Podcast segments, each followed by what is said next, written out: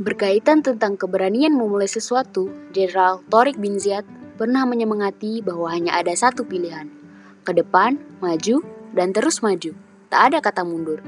Tidak boleh menyerah, kuatkan dengan zikrullah dan perbanyak doa kepada Allah.